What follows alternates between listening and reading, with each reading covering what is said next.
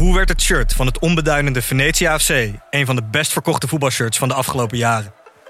Wat is er zo geniaal aan de MLS-deal van David Beckham? En waarom vinden we het normaal dat jeugdspelers gezien worden als investeringsobjecten? In de podcast Grof Geld onderzoek ik, Sam van Raalte, voetbaljournalist, samen met merkstratege Per van der Brink de macht van geld in de voetbalwereld. Wat gaat er schuil achter de wereld van sport en glamour? En wie profiteert er? Luister naar Grof Geld en hoor hoe de Skybox de staantribune beïnvloedt. Dit programma wordt mede mogelijk gemaakt door Toto.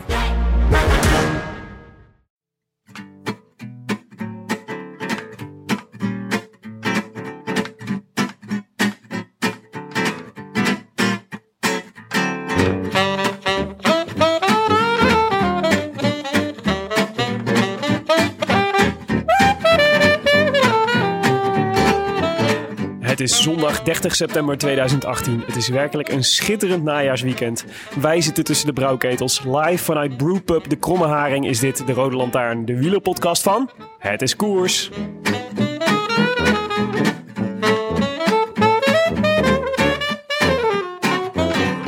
Het is elk jaar een heerlijk toetje van het seizoen. Een week lang WK.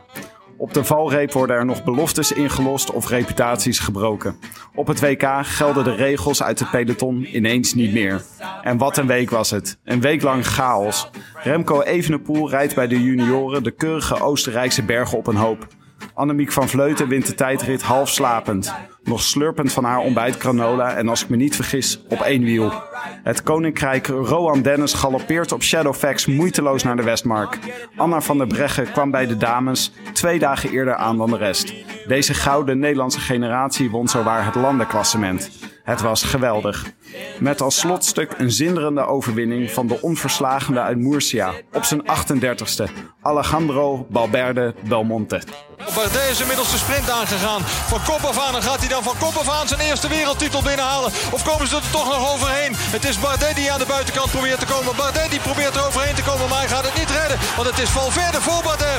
En Tom Dumoulin wordt vierde. En eindelijk, eindelijk, eindelijk pakt Alejandro Valverde zijn eerste wereldtitel. Ik zei het al. Vier keer derde. Twee keer tweede. Eindelijk is het raak voor hem. Hij werd al een paar keer geflikt door ploeggenoten. Op het WK in Florence bijvoorbeeld. Waar Rui Costa...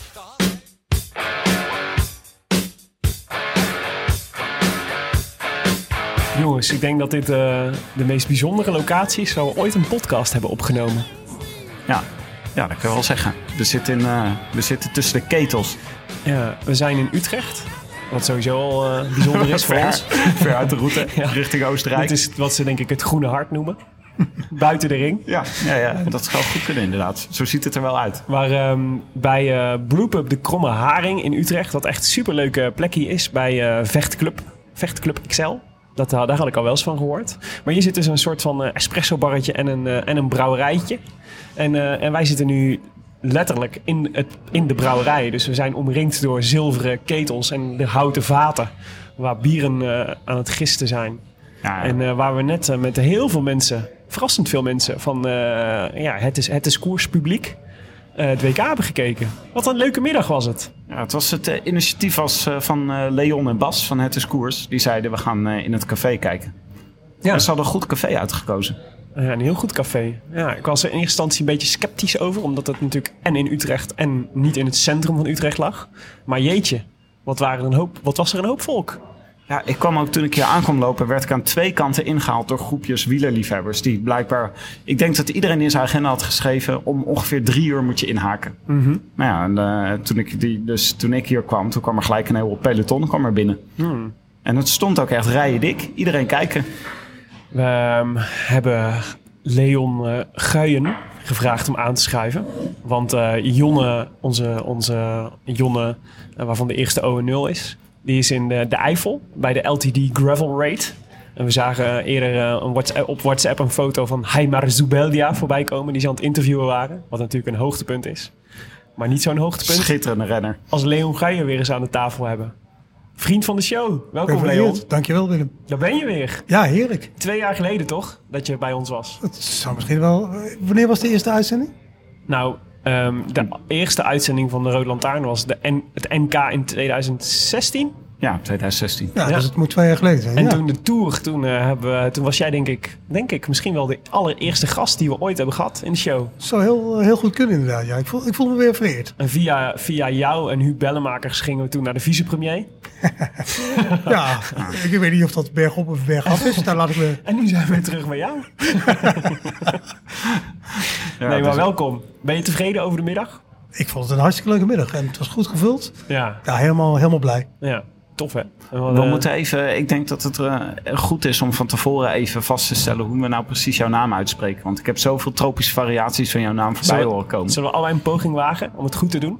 Wat denk Ja, jij? Doe eens Willem. jij? Jij kan hem natuurlijk als, eh, als Brabo. Leon Geuyen. Ja, ik zou zeggen Leon Geuyen. Nou, Leon. Ja, Willem zit natuurlijk qua originaliteit het dichtst bij. Ja, het komt natuurlijk wel uit het zuiden des lands. Ja. Eh, maar ik woon al, al meer dan 25 jaar in Utrecht, Tim. Dus eh, de laatste 25 jaar spreek ik hem zo'n beetje uit zoals jij het doet. Ga je. Eh Anthony Eijk zei vroeger in uh, klassenwerk eh, allebei een 8. Heel goed. Maar het is dus niet Geuyen of Guyen. Nee, daar word ik nog wel eens van verdacht dat ik, dat ik een Spaanse naam heb of zo. Maar dat is niet waar. Schitterende naam schitterende naam. Komt gewoon uit België hoor. Je had, goed, je had een goede naam voor een wielrenner, vind ik. Het is gewoon Nou, een het- eh, het- leuk, leuk dat, je, dat je het zegt. Want in de jaren 80 had je een Belgische wielrenner die heette Bruno Geuyes. En ik, ik denk dat hij uit dezelfde eh, stam komt. Ja. Oké. Is dat is het Limburgs? Hij was een Belgisch Limburger, ja. En hij, hij reed voor de geweldige Torhout Werchter eh, ploeg. De Torhout En, en, en, ja, ken je die niet binnen? Dat is toch Ja. een eh, festival? Dat was een festival, maar die, heeft, eh, die, die hebben, ook die hebben ook een wielerploeg gesponsord. Ja. En, en, en Roland van de muziekinstrumenten was ook een sponsor. Wauw. Jasper Skibby heeft daar nog gereden. Ja, mooie ploeg hoor. Hoe oud ben jij wel? eh, ouder of Eh, jonger dan Alejandro Valverde? Ik ben net iets ouder, ja. Hmm. Maar ik ben ook iets minder vaak wereldkampioen geworden. Ja, maar dat geldt voor ons allen. Hey, leuk dat je er bent. En, eh, en eh, nou ja, complimenten voor eh, dit, dit, is toch, dit is toch eigenlijk ook het moment om Leon een beetje te bedanken, toch? Voor al die leuke dingen die Het is Koers allemaal iedere keer organiseert voor allemaal wielerfans. Los van dat het natuurlijk een geweldige blog is waar je wielerliefde kunt delen. Maar dit is er ook fantastisch. Echt leuk dat jullie dit doen, Leon. Dat wou ik even zeggen. Maar ik dank je wel, eh, Willem. Ik heb Jammer, dit, jammer dat je geen West Vleteren bij hebt dit keer. Ja, dat had je vorige keer inderdaad. ja, klopt. Maar ik dacht, we zitten in een brouwerij. Dan ga je toch geen West-Vleteren meenemen? Ja, precies. Dat is waar. Ja. Een heerlijk biertje van Brouwerij de Molen hebben we meegenomen. Voor, eh, nee, dat zouden we nooit doen in de andere brouwerijen. Vloek in de kerk. Hey, ehm, ehm, rectificaties, Tim. Ja, Daar we hadden we er toch nog wel eh, een aantal van. Ja, jij dit was, jij kwam eh, net hoopvol naar mij toe. Met het, wij maken altijd van tevoren een documentje voor, om de uitzending voor te bereiden. En je kwam hoopvol naar mij toe en je zei... Volgens mij hebben we maar één rectificatie, zei je. Ja. En dat is ook nog eentje die jij zelf hebt gerectificeerd. Ja, dus ik dacht, dit is mooi, slot van het seizoen, weet je, in vorm gekomen. Wij zijn altijd laatbloeiers. Mhm. Maar toen eh, kwam jij ineens met het idee om de Facebook-inbox te bekijken. Ja, dat blijkt dus te bestaan. Een Facebook-inbox waar mensen ook allemaal dingen in zeggen de hele tijd. Maar we hebben natuurlijk ook helemaal nooit een organisatie bedacht. Dus er is niemand verantwoordelijk voor de Facebook-inbox bij ons. Nee. En dan eens in de zoveel tijd kijken daarin. En dan blijken we dus gewoon 124 fouten per aflevering te maken. De eerste was wel eh, van mij. Dus eh, laat ik die dan ook nog maar eventjes publiekelijk rectificeren. Want we hadden het vorige keer over het, eh, het eh, fantastische spel zonder grenzen. En waarin we hoog opgaven over de prestaties van zowel Amersfoort als Texel. Maar ehm, beide plaatsen waren, waren niet goed. Namelijk niet Texel, maar Vlieland werd derde in 1998. Belangrijk als je de, de, de concurrentie tussen de eilanden kent. Vlieland werd dus derde in 1998. En onze beste prestatie was Alfa aan de Rijn, die liefst twee keer tweede werd in 1970 en 1971. Dus tot vandaag had ik gezegd, Alfa aan de Rijn is de Alejandro Valverde van het spel zonder grenzen. Waar ging dit ook weer over? Wat was het spel zonder grens ook weer? Vorige keer hebben jullie dat ook uitgelegd. Maar ik heb Spel zonder grenzen is. Fantastisch. Een soort zeskamp, maar dan op Europese schaal. Waarin dorpen uit verschillende landen tegen elkaar opnemen om, eh, om, eh, om de eer. Boomstammen gooien en zo. Ja, om- Van om- zeephellingen glijden. zeephellingen glijden. Het was echt een soort zeskamp. Al, al vond eh, Jonne dat ik het daarmee tekort deed. En dan heeft hij ook wel een punt. Maar het is een soort... Het was meer dan een zeskamp. Ja, het was veel meer dan een zeskamp. Oké. Ja. Het was een prachtig spel. Het duurde wel eindeloos. Volgens mij, voor mijn gevoel, duurden de afleveringen drie uur. En misschien was het ook al zo. De Tros stond het uit in Nederland. Nee, Nee? NCV. Dick Paschier. Oh. Ja, ja. Oh, oké. Nou ja, goed. Als we Leon niet hadden, hè, voor dit soort uh, Ja, dan hadden we weer, eh, hadden we weer onderuit gegaan. Maar goed, Tessel en Alphen aan de Rijn. Oh nee, sorry. Vlieland en Alphen aan de Rijn verdienen dus de kudo's voor het spel zonder grenzen. En eh, inderdaad, ja, toen ontdekten we de inbox op Facebook. En toen ging de beerput open. Tim. Wat stond er allemaal in dan? Nou ja, dus ehm, oké. Wil je het echt horen? Eh, ja, loop er even snel Laat ik ze allemaal even snel aflopen. Alle- Allereerst kwam, zag ik een bericht van Jorn Duwel. Die ons wees op het feit dat Jon het over een plakje salami erbij had in de context van een Spaanse bar. Maar ja, Spaanse bar. eh, salami is Italiaans. En we zaten in een Spaanse bar, dus chorizo zou meer passen, zei, die, zei, Mag je zei meteen rectificeren? Chorizo. Chorizo. Nou ja, oké, thanks. Leuk dat je bent tot nu toe, Leon. Ja, Dus, eh, dus nog één keer. Salami is Italiaans. Chorizo is Spaans. Sebastian Merks die eh, gaf een, toe- een, een toevoeging. Wel een hele leuke. Want we hadden het toen over eh Katusha. En over Restrepo. Die via een Facebook bericht bij de ploeg was terechtgekomen. Hij had, had de ploegleider een Facebook berichtje gestuurd. En eh, Tim de Klerk heeft op Vive le Velo, vertelde, eh, vertelde Sebastian, op Vive le Velo ooit verteld dat hij eh, bij Quickstep terecht was gekomen omdat hij Patrick Lefevre een e-mailtje had gestuurd met de vraag of hij voor ze mocht rijden. En de rest is history. Sindsdien rijdt Tim de Klerk op kop van het peloton Ja. in Ethics Quickstep kleuren. maar een e-mailtje is toch wel wat normaler dan een Facebook bericht, toch? Is ook zo. Ja, ja, vind ik wel. Het is in ieder geval privé. Ja, ja, het is zo'n soort zakelijk e-mail. En WhatsApp, Facebook berichten zijn toch een beetje, weet je wel, dronken naar een klasgenootje mailen dat je van haar houdt of zo. Klopt. Goeie vergelijking. Eh Jannik Warmerdam, die, eh, die eh, rectificeerde. Wij, wij, hebben- wij hebben het natuurlijk meer dan eens gehad over Tau Geoghegan Hart. Zoals wij zelf telkens eh, eh, zeiden. Eh, de Skyrunner van wie wij hoopten dat hij naar eh, ehm, Sunweb zou verhuizen. Wat, waar het niet op lijkt. Maar Jannik die wees ons erop dat je, het, eh, dat je het eigenlijk anders moet uitspreken. Namelijk hij zei, als we Herbert en Maarten mogen geloven, spreek je het uit als Theo Hart. En is zijn middelste naam slechts een doopnaam die niet gebruikt wordt. Dus Geoghegan hoeven we niet, eh, hoeven niet constant te noemen. En eh, hij heeft gelijk, want ik zag in de cycling, hoorde in de cycling podcast, werd hij aangekondigd als Theo Hart. Theo Hart. Dus Theo is het vertaan. Net alsof hij ons eh, iets gelegen laten liggen aan, eh, aan doopnamen. Ik bedoel, Weet Wilco wat, eh, C. Kelderman hebben we toch ook gewoon geïntroduceerd... omdat we er zelf zin in hadden. Dat is ook zo. Maar weet je wat Zo. grappig is? Nou, Willem, dat is heel grappig. Ja, nou, Theo betekent oom in het Spaans. En op wie vinden we dat Theo Hart lijkt? Op jouw oom? Nee, Sam Omen. Oh, pardon. Ja, twee druppels water. Ja, nee, ja, verdomd. Goed Sam kunnen we hem voortaan noemen. Wat een kosmisch toeval. Kosmisch toeval, zo is het. Chris Jansen, eh, die had nog een naam die we verkeerd uitspraken. We hadden het namelijk over Jay Hindley. Het is Jai Hindley. Oh nee, Jai Hindley is het. Hindley. Jai Hindley. Nou, dat is, wel, dat is wel goed om te onthouden. Want Hindley heb ik al echt wel heel vaak gehoord. Ja, het is Jai Hindley. En eh, oké, en Nick van Silfhout. Echt jongen, het, liep, het, was, het hield gewoon niet op met Facebook berichten. Ik had nog eeuwig door kunnen gaan, maar dit is de laatste. Eh, die schreef, Jonne noemde, Nick van Silfhout, die noemde, Jonne noemde recensent Bouke Pieter Otto misschien onze enige Koerdische fan. Remember, Bouke Pieter Otto won, won een eh, kleine heine met zijn beste recensie uit Soudaan, uit Zuid-Soedan. Ja, dit was inderdaad wel... Toen er viel ook nog even een stilte daarna in de uitzending. Toen dachten eh Koerden, Zuid-Soedan. Zo, dat kunnen ze, kunnen ze er echt niet bij hebben. Als ze daar ook nog Koerden zouden hebben, zou het echt een ramp worden. maar dit is dus een zeer terechte rectificatie. Ja, want Koerden wonen vooral in het Midden-Oosten, schrijft eh, Nick van Silfhout. Klopt. En de militante groepering die in Zuid-Soedan actief was, is het Sudanese People's Liberation Movement. Dus die zie ik nog wel een keer een wielerploeg beginnen. Dat zou wel mooi zijn als die in één keer met een ploeg, eh, met een ploeg komen. De Sudanese People's Liberation Movement Pro Cycling Met, met Team. Aru als kopman. Ja, inderdaad. Die gelooft daar wel in, in zulke, in zulke projecten. Die, is wel, die staat daarvoor Lekker open. out of the box. Ja, zeker. Ehm, goed, nou dat was het qua rectificaties. Vind je dat ik er snel genoeg doorheen ben gegaan? Ja, schitterend Willem. Snel genoeg Dus de Facebook-inbox we, we, gelezen. gaan, we gaan vaker de Facebook-inbox eh, lezen. Leon, ik liet jou de, het natje uitzoeken. Want jij kent hier die brouwerij goed. Jij hebt ons hier naartoe, ge- ge- ge- met ons, eh, ons hier naartoe gebracht. En, ehm, en, eh, en nou, we hebben hier al wat, eh, aardig wat geprobeerd. De rockfish en de inktvis. Nou, dat is lekker. Maar jij besloot eh, tot een andere. Nou, het is uiteindelijk de whitebait geworden inderdaad. De whitebait. De whitebait, Van de kromme haring. Van de kromme haring, want die is niet zo, eh, zo heftig. En eh, we hebben al best wel een paar heftige achter de kiezen. Dus ik dacht, we moeten misschien ietsje gas terugnemen. Wat, eh, wat kun je over dit biertje vertellen? Wacht even, ik neem even een slok. Wim. Ja? Je moet weten, Leon is wel echt de, de bierkenner, denk ik. Van, Enorm, eh, enorm, Van, ja. eh, van, eh, van Ik het scores. Ja, ook- nou, dus nee. dan Bas tekort. Ja, Bas is de Heb bierkenner. jij, heb jij een ratebeer.com account? Nee, maar wel een tapped account. Ben je en vrienden ik, met Dutch Dart Vader? Ik, ik wil het heel graag. Nou, ik, ik heb een, sorry, een, een, een, een tapped account. Untapped heet dat appje. En daar heb ik Dutch Darth Vader opgezocht. En ik heb ook een vriendschapsverzoek gestuurd. Maar hij negeert me. Hij is pending. Ja, een beetje lullig van hem. Had jij me een vriendschapsverzoek gestuur- verstuurd zonder eh, ons over Dutch Start Vader te horen praten deze zomer? Of- Het was snel naar aanleiding van jullie... Oh, eh, het was naar aanleiding ja, daarvan. ja. Ah, oké. ben jij Nee, ik meer een Dutch, Dutch Darth Vader man of een Ice Dwarf man? mm, ik ben toch een beetje Dutch. Toch ook vaker. Dutch Darth Vader heeft meer fans dan Ice Dwarf. Hij is Ah. net iets wel Maar hij heeft, bespraakter. nou ja, hij heeft ook gewoon een hele duidelijke niche.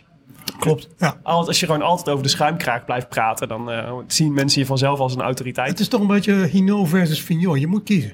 Je raakt er toch door geprogrammeerd, hè? Want als ik nu een doodgeslagen biertje zie, dan moet ik daar gelijk aan denken. Dan denk ik, ja, dit wordt weer een negatieve recensie. Ja, daar ga je. Daar ga je op ratebeer.com. ja.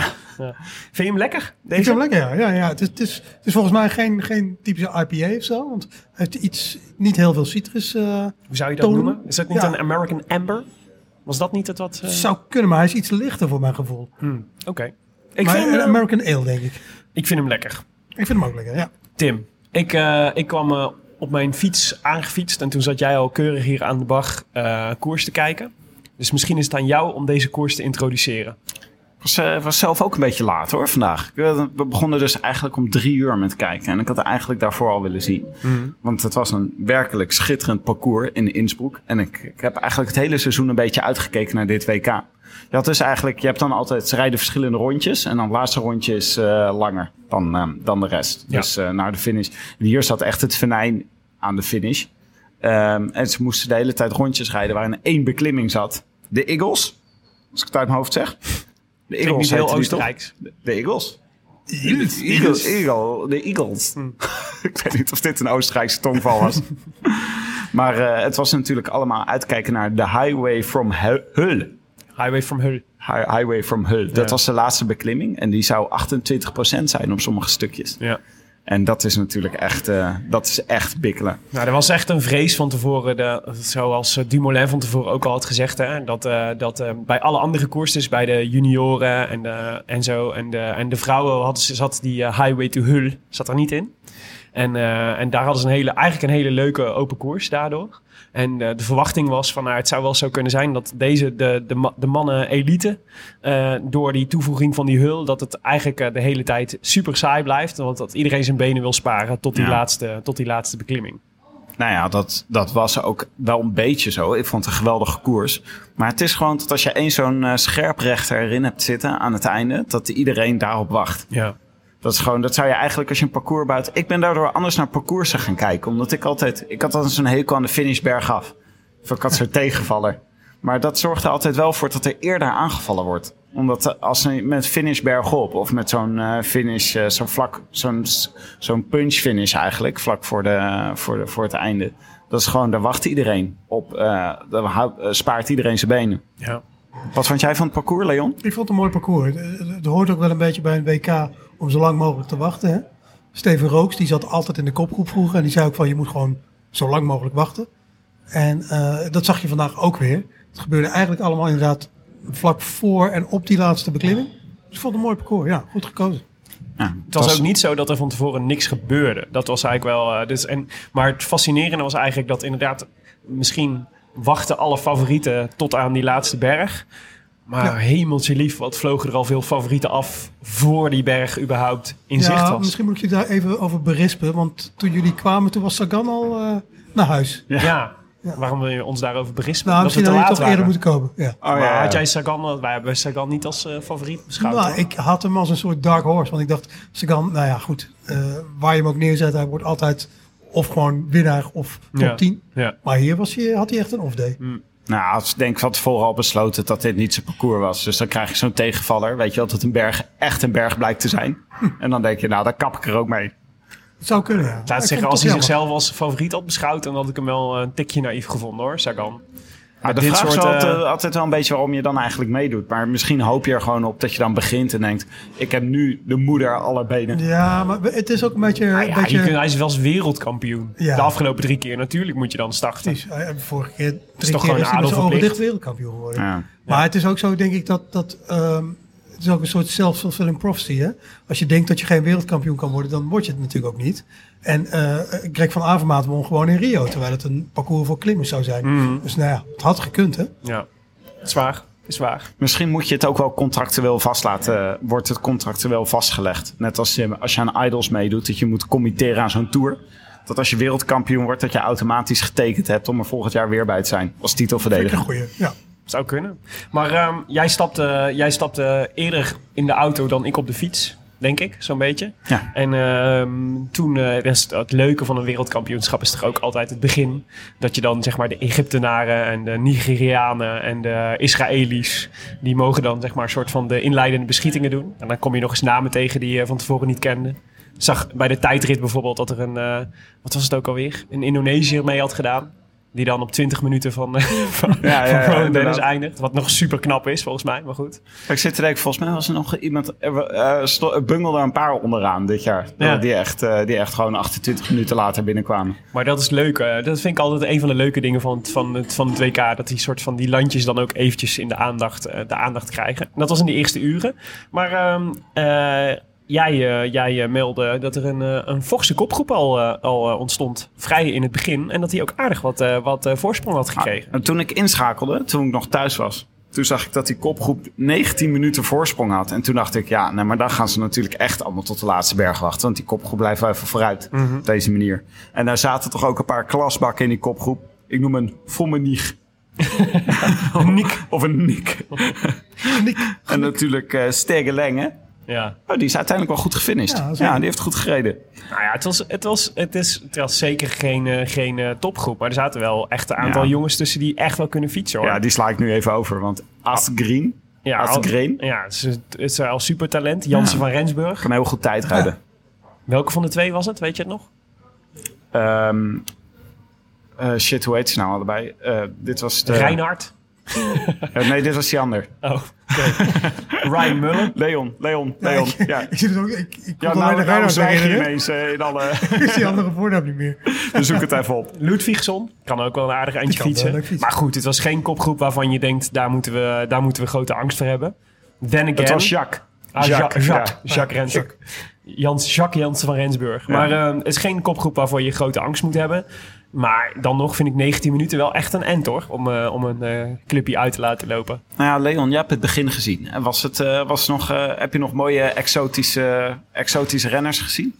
Ik heb er een paar van, eh, van achteren zien lossen. Hmm. Eh, hè? Eh, ook best wel veel Colombianen al in het begin. Ehm, Oh, de Colombianen. Ja, daar moeten we het zo meteen nog even uitgebreid over hebben. ja, het zal heel uitgebreid zijn. Zeer uitgebreid. Maar ik, over te ik, vertellen. ik, heb, ik vond die genik vond ik wel grappig. Het deed me toch een beetje aan Hik denken. En eh, nou ja, Hik staat natuurlijk voor het koers. Ehm, nee, ik, ik was niet heel erg onder de indruk van die kopgroep. Maar het is een beetje zoals je bij een WK verwacht. Hè? Maar 19 minuten is wel echt veel. Hè? En dan laten ze, dat bedoel... Het is, het is, dat, dan, dat, dat moet je wel weer dichtrijden, zeg maar. Dat, dat is waar, maar het is een WK. Dus op een gegeven moment wordt die gaskraan opengedraaid. En dan eh, Ja, binnen een rondje hebben ze ze alweer terug. Nou ja, bij wijze van spreken. Maar dit was dus het eh, moment. eh, op een gegeven moment kwam jij in je prachtige nieuwe wieleroutfit kwam jij binnenlopen. En op dat moment waren eh, Frankrijk en Engeland het eh, vuile werk aan het, aan het doen in het peloton. ja want toen moest het gat dichtrijden. Ja, maar zo opvallend, want Frankrijk is normaal niet geneigd om iets van het vuile werk op te knappen. Want daarvoor zijn ze natuurlijk veel te Frans. Maar eh, vandaag deed ze dat wel keurig. En Engeland zat veel vooraan, want die hadden hun, eh, die hadden hun geld op de Yates-broertjes gezet. En toen kwam jij binnen met een petje op.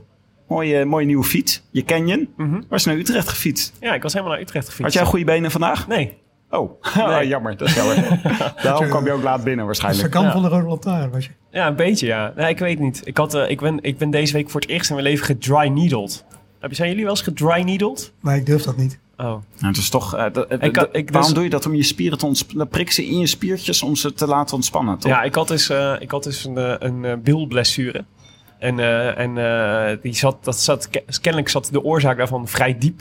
En dan gaan ze eerst gaat bij de fysiotherapeut. Die gaat dan, gaat dan Werkelijk, letterlijk en figuurlijk vrij diep. Wat jij wil. Nee, sorry, ik ga het verder. verder? Hier kappen?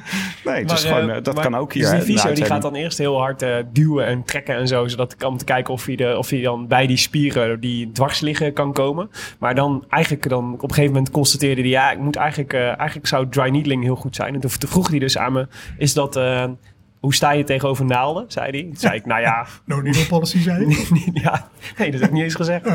Nee, dus ik zei niet positief en niet negatief. Vrij neutraal. En toen, voor ik het weet, zat er, zaten er eh, drie eh, dry, dry needles in mijn bil. En hoe, hoe ver gaan die dan? Hoe ver gaan die in Nou je ja, bil? Dat, was dus, dat vroeg, vroeg ik op het moment dat ze er al in zaten. En eh, Hoe hij diep zei, gaat het aan Nou, eigenlijk? Nou, ze, ze prikken dus tot je bekken. Dus echt op het bot eigenlijk. En dat voel je dan. En dan gaan ze een stukje terug. Maar de grap is dus dat ze dus... Eigenlijk breken ze dan de spiervezels. Eh, die een beetje dwars liggen. En daardoor ontspant die spier, zeg maar. En dan, dat schijnt dan heel goed te zijn. Maar ik was... eh, ik, ja, ik weet het niet. Het was, eh, het was niet per se een plezante ervaring. En het heeft ook niet echt geholpen. En daarom reed je slecht vandaag. Dit. Nee, maar dus ik ben nog steeds geblesseerd. Dus ik dacht dat het daaraan lag. Ah, dat ja. was eigenlijk mijn punt. Maar, Ja. En ik reed langs het Amsterdam-Rijnkanaal. En daar heb je, ik weet als mensen daar wel eens rijden, daar heb je, je kunt daar prachtig heel lang achter elkaar rijden. En dat is dan, je hebt dan een hele grote stuk asfalt, maar er zitten een paar stukken klinkertjes in. En klinkertjes zijn echt genadeloos als het gaat over eh, of, je, eh, of je lekker aan het rijden bent of niet. ja. Want als je dan, als je, die klinkers liggen dan daar weer net iets te ver uit elkaar. Dus als je in vorm bent, dan zoef je daar zo overheen. Als, zijn, als waren het soort kinderkopjes. Maar deze keer voelde ik echt elke klinker eh, in mijn fiets. Dus het was, niet, het was niet mijn beste rit. Maar ik ben er gekomen. Ja, nee, we waren ontzettend blij dat je En binnen je was. ontving me met een, eh, met een flat white. Dat vond ik ook mooi. Ja, ja, er zit hier namelijk ook een klein espresso barretje naast. Maar goed, terug naar de koers. Ja, want eh, toen jij binnenkwam, dat was zo mooi. Daar kreeg je dus al die rondjes achter elkaar. En elke keer was er dus op de, de, de ene berg die erin zat, zag je er, eh, renners afvliegen. Ja. En dat was echt een beetje, eh, dat, dat zorgt ook wel een beetje voor het spektakel. Want elke keer die berg, er gebeurde weer wat. En eh, eigenlijk het, eh, eh, ja, wat, wat, we konden een soort lijstje gaan bijhouden. We konden een abandonlijstje konden we gaan bijhouden van dit WK. Ik vond het echt, ik, ik was echt flabbergasted. Ik bedoel, Sagan kwam binnen en toen, het was, oh nee, toen las ik het, het, las ik het, het appje toen ik mijn fiets aan het parkeren was dat Sagan gelost was. Toen dacht ik, ja, dat lijkt me, het lijkt me nog vrij logisch. Ja, Maar het- ik was binnen en ik zat jou, ik was jou nog niet halverwege jouw koffie. Of, of, en ik was tegen iemand aan het vertellen dat ik, dat ik al mijn geld op Poels had gezet. Met een complete fortuin op, op de zegen van Wout Poels. En echt letterlijk twee minuten daarna zag ik eh, Wout Poels lossen uit het peloton. Veel te vroeg, hè? Veel te vroeg. Dat was had echt Ik eh, snap er langer. niks van. Hij, het is bij hem toch altijd wel... Of het is dood of de gladiolen Ja, bij het is hem. alles of niks, hè? Ja. Het hele gekke renner wat dat betreft. Want soms dan verbaast hij je met zijn vorm en dan rijdt hij iedereen eh, echt op een hoopje. Ja. En het andere momenten moet Ja. hij er eh, op drie kwart van de race moet hij eraf. Maar het laatste beeld wat ik dus van hem had, was in de, in de Tour of Britain. Waar hij alle Philippe op een, op een eh, hele steile klim eh, aan gort reed. Echt aan gort reed. Alle Ja. Philippe die overal als de grote favoriet werd beschouwd. Poels, da- dus daardoor, onder meer daardoor, dacht ik, die, die gaat echt een hele grote kans maken om gewoon eh, om hier, eh, om hier te winnen. Ik, ik had het Maar ook hoor, want het is Dit was 30 afmaker. kilometer voor het einde of zo, dat hij, eh, dat hij eh, nog... Ja, meer denk ik. Ja. Maar het is ook wat Leon zegt. Dat Nederland had gewoon een ontzettend goede WK-ploeg. Elke keer als je dat lijstje zag, kreeg je een soort vlinders in je buik van hoe goed we waren. En Poels is de enige met echt een wapen voor de finish. Want het is, dat, het is toch een beetje frustrerend van deze geweldige generatie Nederlandse renners. Is dat ze niet echt iets hebben om het mee af te maken. Niet een splijtende demarage of een ontzettend goede sprint. Ja. Ze kunnen het allemaal wel een beetje. En als, de, als ze goede benen hebben, dan, eh, dan kunnen ze iemand eraf rijden. Dat is het eigenlijk voornamelijk. Maar Poels kan dus echt heel hard uithalen. Ja. Zoals we in de ronde van eh, Great Britain zagen. Ja, en hij had dus, hij, wat ik gek vond, want hij heeft, eh, hij, hij had zijn hele, ehm, eh, sinds de Tour heeft hij alles op het WK gezet. De ronde van eh, Brit- eh, de Tour of Britain was eigenlijk zijn, zijn eh, voorbereiding daarop. Heel veel rust gehouden sindsdien. Hij zei, ik heb nog nooit zoveel eh, getraind op eendagswedstrijden om eh, goed te zijn. Ik heb ook Hij was ontzettend de- veel rust gehouden voor dit WK. Ja, dat, was heel dat was heel aanstandig. Ja. Maar hij was ook, hij was gewoon kopman van het Nederlands team. Zijn, zijn, zijn, eh, dat was echt vanochtend, weer, zei ze, het was natuurlijk vorm van de dag.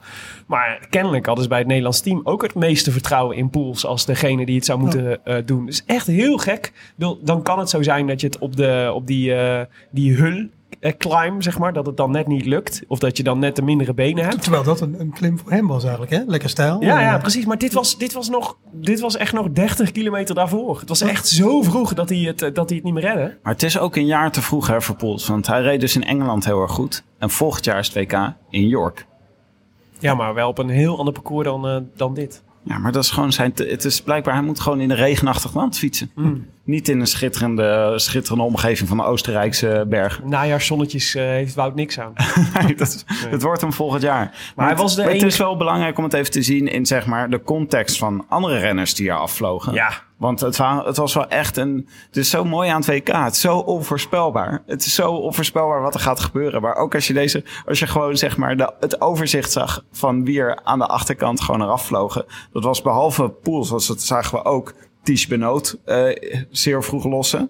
Simon Yates. Kwiatkowski, mijn grote favoriet voor dit, eh, voor dit WK. Ja. Dan Martin. Nou, dat zijn Tim dat. Wellens. Ja, Tim Wellens. Daar was jij nog heel erg eh, verdrietig Ik over. kreeg schrokken van. Ja. Ja, maar echt heftig. Maar dit is toch ook, dat is ook, denk ik, de timing van zo'n WK. Er zit altijd op het einde van het seizoen en mensen zijn gewoon... Ze zijn ook gewoon op. Dus, de- dus ik bedoel, zeker bij Kwiatkowski of zo. Ja, ik vind het niet zo gek. Die jongen die rijdt al vanaf het voorjaar, rijdt hij, eh, rijdt hij, eh, rijdt hij elke koers. Hij heeft net, eh, komt net uit de Vuelta, waar hij ook nog soort alles op gezet heeft. Het, het houdt een keer op natuurlijk. En ik ben eigenlijk heel blij dat eh, hij werd vierde in de tijdrit, Kwiatkowski. Wat ook al absurd was eigenlijk. Want volgens mij zijn beste prestatie ooit in zo'n lange, in zo'n lange tijdrit. Dus eigenlijk ook wel prettig dat hij, het, eh, dat hij er een keer gewoon echt doorheen zakt. Het zal wel interessant zijn om te kijken wanneer de laatste wereldkampioen eh, ehm, is, is ge- geworden die, die niet de Vuelta heeft gereden. Ja, ja. Want Sagan reed hem natuurlijk ook altijd als voorbereidingskoers. Mhm. Ik denk Kwiatkowski dat jaar dat hij won ook. Ja. Maar je kunt niet zeggen dat eh ik bedoel, Valverde heeft gewonnen. Maar we we komen straks nog wel op het lijstje. Dan moeten we maar eens even kijken waar die jongens allemaal gereden hebben. Ja. Maar Valverde was volgens mij de enige Vuelta-man die echt... Nou, Woods trouwens ook. Die, eh, die, het echt, eh, die het echt goed gedaan heeft. Ja, dat is waar. Ja. Het is Ja. moeilijk te zeggen wat de beste, ook na afloop, wat, eh, wat de beste voorbereidingskoers voor dit WK was geweest. Ja, nou ik denk als je historisch terug gaat kijken de laatste vijf jaar, dat het wel de Vuelta is. Het was voor België was het geen, eh, geen hele vrolijke dag vandaag. Het ging niet, eh, ging niet van een leien dakje. Maar wat we wel zagen was een, eh, een spetterende demarage van Van Avermaat. Ja. Die zijn teammaat Caruso meekreeg. En Freile. Ja. Dat was op zich ik wel een mooi groepje. Dacht ik, daar kan je best wel even mee doorrijden. Alleen het is natuurlijk voor Van Avermaat is dit geen parcours. Het is gewoon veel te stijl. Nou ja, ze hadden een beetje... eh, Van Avermaat moet dan hopen dat er, een, eh, dat er een groepje weg... Zoals dit eigenlijk, hè. Dus dit is de manier waarop hij zou, zou kunnen winnen. Als er een groepje wegrijdt en dat hij het eh, van zijn eindschot kan, kan hebben. Hij kan natuurlijk ook best nog zo'n berg op. Staat niet, in ieder geval niet stil.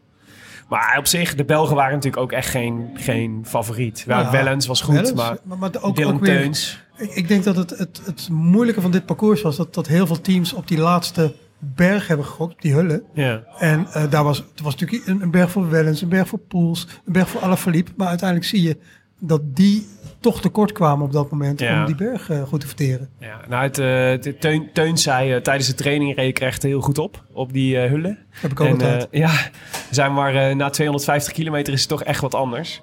En ze hadden zelfs, Te- Teuns had, zei, ja, ik kwam 26 tanden, ik stond echt stil. Ik kwam 26 tanden tekort, zei hij, op mijn, op mijn, op mijn fiets. En Van Avermaat zei vervolgens dat hij dat echt een, een, eh, een eh, jeugdzonde vond van Teuns. Want hij had dus de hele tijd al tegen Teuns gezegd, je moet een eh, lichter verzet hebben, want anders kom je die berg niet meer op.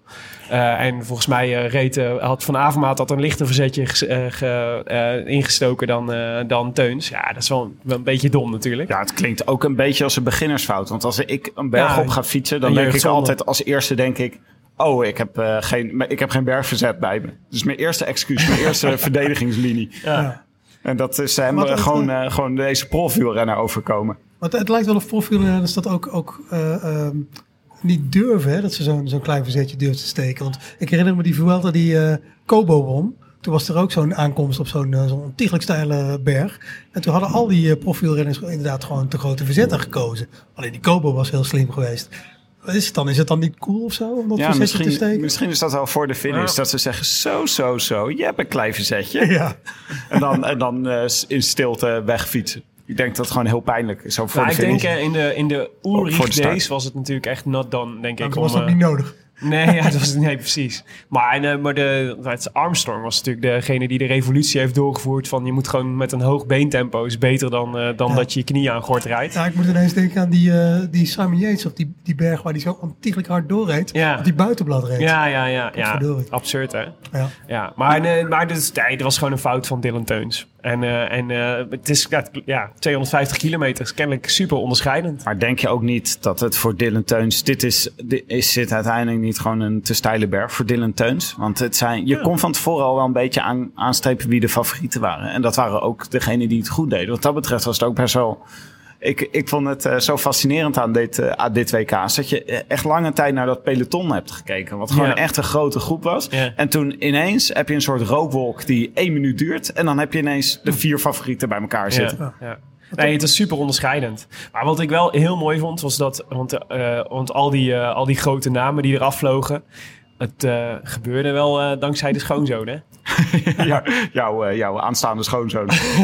Antoine, die... Antoine Tolhoek, wat eerst, reed fantastisch vandaag. Eerst reed, ah ja, hij zei dus, dacht eerst dat hij slechte benen had, zei hij in het interview na afloop. En dat bleek toch mee te vallen. Want hij reed gewoon, hij reed gewoon Kwiatkowski naar huis. Ja, dan, dan, dan kun je wel wat, hè? Ja, hij heeft Kofsie eraf. En, en vlak daarvoor had die Poels ook al. eh, ja, en Simon. Yates, ja. En Simon Yates inderdaad. Ja, en later, eh, en dus, dus Tolhoek echt, eh, echt eh, proficiat. Want het is Maar, echt een ook ontstekende eh, koers. getraind in Oostenrijk. Hè? Hij zat bij Johnny Hogeland in het, eh, Ja, ja, ja. in het bed and breakfast. Ja, oh ja, grappig. Ja, en hij kan dit natuurlijk ook wel, want het leek best wel een beetje op San Sebastian. Op San Sebastian in San Sebastian zagen we hem ook al in de aanval gaan op een soort gelijke berg. Dus het is niet zo gek dat hij hard reed, maar het is gewoon knap dat je na 200, wat is het, 240 of 230 kilometer nog zo'n nog zo'n stempel op de koers kan drukken als zulke andere grote namen gewoon moeten passen. Ja, en, en het grappige was dat hij ook op het laatste moment pas is geselecteerd. Hè? Ja. Want hij pas in de ploeg gekomen toen Geesink eh, geblesseerd raakte. Ja. Heel knap, ja. Het was wel grappig om te zien, gewoon die Nederlandse ploeg met Ome en Tolhoek. Die zien er allebei echt als zulke ventjes uit. Het woord ventje viel ook heel vaak in de zaal. Wat een ventje! Ja, Dat is het ook echt. Het waren echt van die ventjes. En die zetten echt het peloton op zijn kop. ja. En Tolhoek deed dat met eh Brambilla en met Mas. En dat, is toch, eh, dat zag er echt niet mis uit hoor. Die waren echt aan het huishouden. ja. Dat was nog voordat ze aan, eh, aan de definitieve, aan de laatste beklimming begonnen. ja. Want toen kregen we nog, want eh, toen kregen we dus nog even Valkeren Andersen die wegreed. Ja. Toen dacht ik, ja, dit hadden we toch moeten weten van het voorseizoen. Hij gaat gewoon weer ge- op een onbewaakt moment gaat hij wegrijden en dan rijdt hij door Het zag naar er de wel echt finish. goed uit, Valkeren Andersen. Ja, maar volgens de les van Rooks ging hij gewoon echt te vroeg. Ja, ja, ja, ja. Ja. maar ja, wat moet hij anders? Ja. Dat is zijn enige kans. Ja. Ja, ja. Nee, het Ja, was en natuurlijk wel een beetje dikke billen en dikke kuiten voor zo'n beklimming. Ja, dat bleek. Ja, dat bleek ook uiteindelijk. Dus toen kregen we de Highway to Hell. Ja, waar we eigenlijk al, de hele tijd al op zaten te wachten. Wat was het, eh, geloof ik, eh 16 kilometer voor de finish? Zo'n beetje? Ja, dus eh 8 kilometer voor de finish lag de top. Ja, precies. Ja, er zat nog een afdaling eh, achter. Maar dat was wel, eh, het was niks te veel gezegd. Het was een schitterende klim. Wat mijn hart dus, wat mijn hart doet kloppen, is de Italianen die dan gelijk aan het begin van de beklimming hun spierballen gaan laten zien. Denk ik, nou, even rustig jongens. Want ze gingen dus met z'n allen op kop rijden. Het was werkelijk zo'n blauw blok, weet je wel, voorop. Ja, En eh, de- eh, toen eh, kwam de demarage van Kruiswijk. Nou ja, er vlak dus- daarna. Want Kruiswijk kwam zich melden. Maar Kruiswijk die, die reed ook hartstikke goed. Die had, de Nederlanders zaten toen nog een beetje verscholen. Maar toen hij wegreed was het Italiaanse blok gewoon gelijk weg. ja. Ik heb daar toch waardering voor. Zoveel bravoure en dan met zoveel bravoure ook eraf vliegen. Nou, Nibali was ook toch een van de favorieten van Ja. tevoren. Die loste ook al op dat moment. Dus het was, eh nou ja, inderdaad, stoer doen aan het begin van de, klimming, van de, beklim, eh, van de beklimming. En toen eh eindigde ze met Moscon. Een soort metafoor voor Italië is dit, Ja. hè? Het even op de borst kloppen, maar uiteindelijk ja, als de. Ethiopiërs met speren komen, dan uh, afta je. Het was wel een beetje moeilijk te zien. Vonden jullie niet het WK eh, met wie we precies te maken hadden? Want de shirtjes, die waren... Ja. Ze verrassen je Ja, toch ja, altijd ja. een beetje. Ja. En, eh, en het is gewoon, het onderscheid is niet heel erg en de groot. Italianen was moeilijk te zien, hè? Ja. Ja, ja. En de die- Belgen en de Colombianen leken de op elkaar. t-shirts van de Britten waren gewoon lelijk. Ja. Eigenlijk stak Nederland er enorm bovenuit. Ja, Terecht dat is dat goud, die goud oranje, heel tof. Ja, ja. Ja. Maar sowieso wel. Ik dacht wel weer, het is wel echt heel leuk die landenkoers. Eigenlijk het is zo jammer dat we dit maar één keer per jaar hebben. En geen, eh, geen koptelefoontjes, hè? dat scheelt Ja. natuurlijk ook. ja, geen oortjes. Ja. Dat is misschien doen al die skyrenners het vandaag gewoon niet goed. Omdat niemand in hun oor tettert. Skybots, deploy. Stil dat Ze wachten weten op het het commando niet. dat ze krijgen. Maar hebben zij niet gewoon een chip geïmplementeerd dan? ja, dat is misschien ook wel.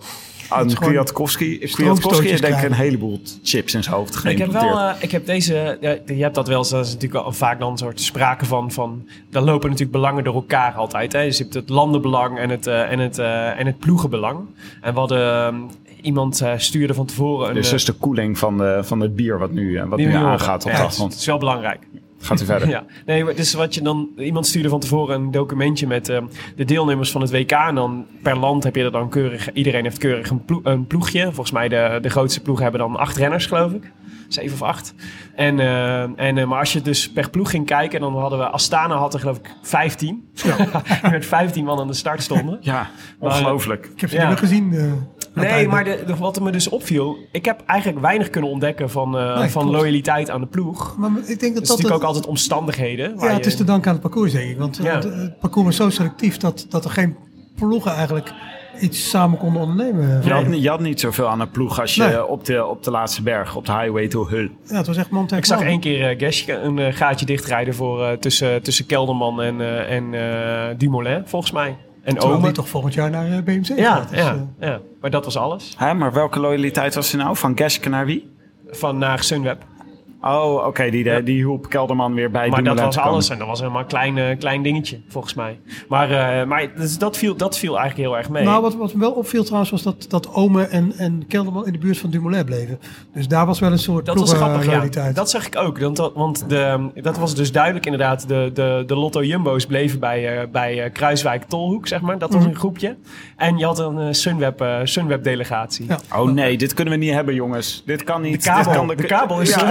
dit is dit, Volgend jaar worden ze niet meer geselecteerd, denk ik. Nee. Is dit twee. waar we het verloren hebben dit jaar? Nee, maar ik zag na afloop dat ik eh, keurig eh, dat ik eh, Tolhoek een keurig eh, een billenklopje zag geven aan Tom Dumoulin. Ja, dus ik dacht, eh, nee. Ja. Maar het is ook wel logisch toch? Die gasten kennen elkaar goed. Die Ja. rijden altijd in elkaars wiel. Waarom zou je dan nu in één keer een uitzondering Maar maken en, het- eh, en Tolhoek voor Dumoulin zetten? Het wordt natuurlijk pas echt eh, leuk als, als Roglic in zo'n groepje zit. En, en Ja, dat een soort loyaliteitsconflict gaat ontstaan. Maar dat is eigenlijk helemaal niet gebeurd bij geen enkele. Nee, het leek eventjes toen, dus, toen ehm Valkrein eh, vertrok. En dat is natuurlijk een Astana-renner. Oh, toen, had je op toch een beeld. Ja. toen had je op een gegeven moment had je één of twee Astana's in de achtervolgende groep. En toen dacht ik wel van, oké, dit zou wel zo'n moment kunnen zijn.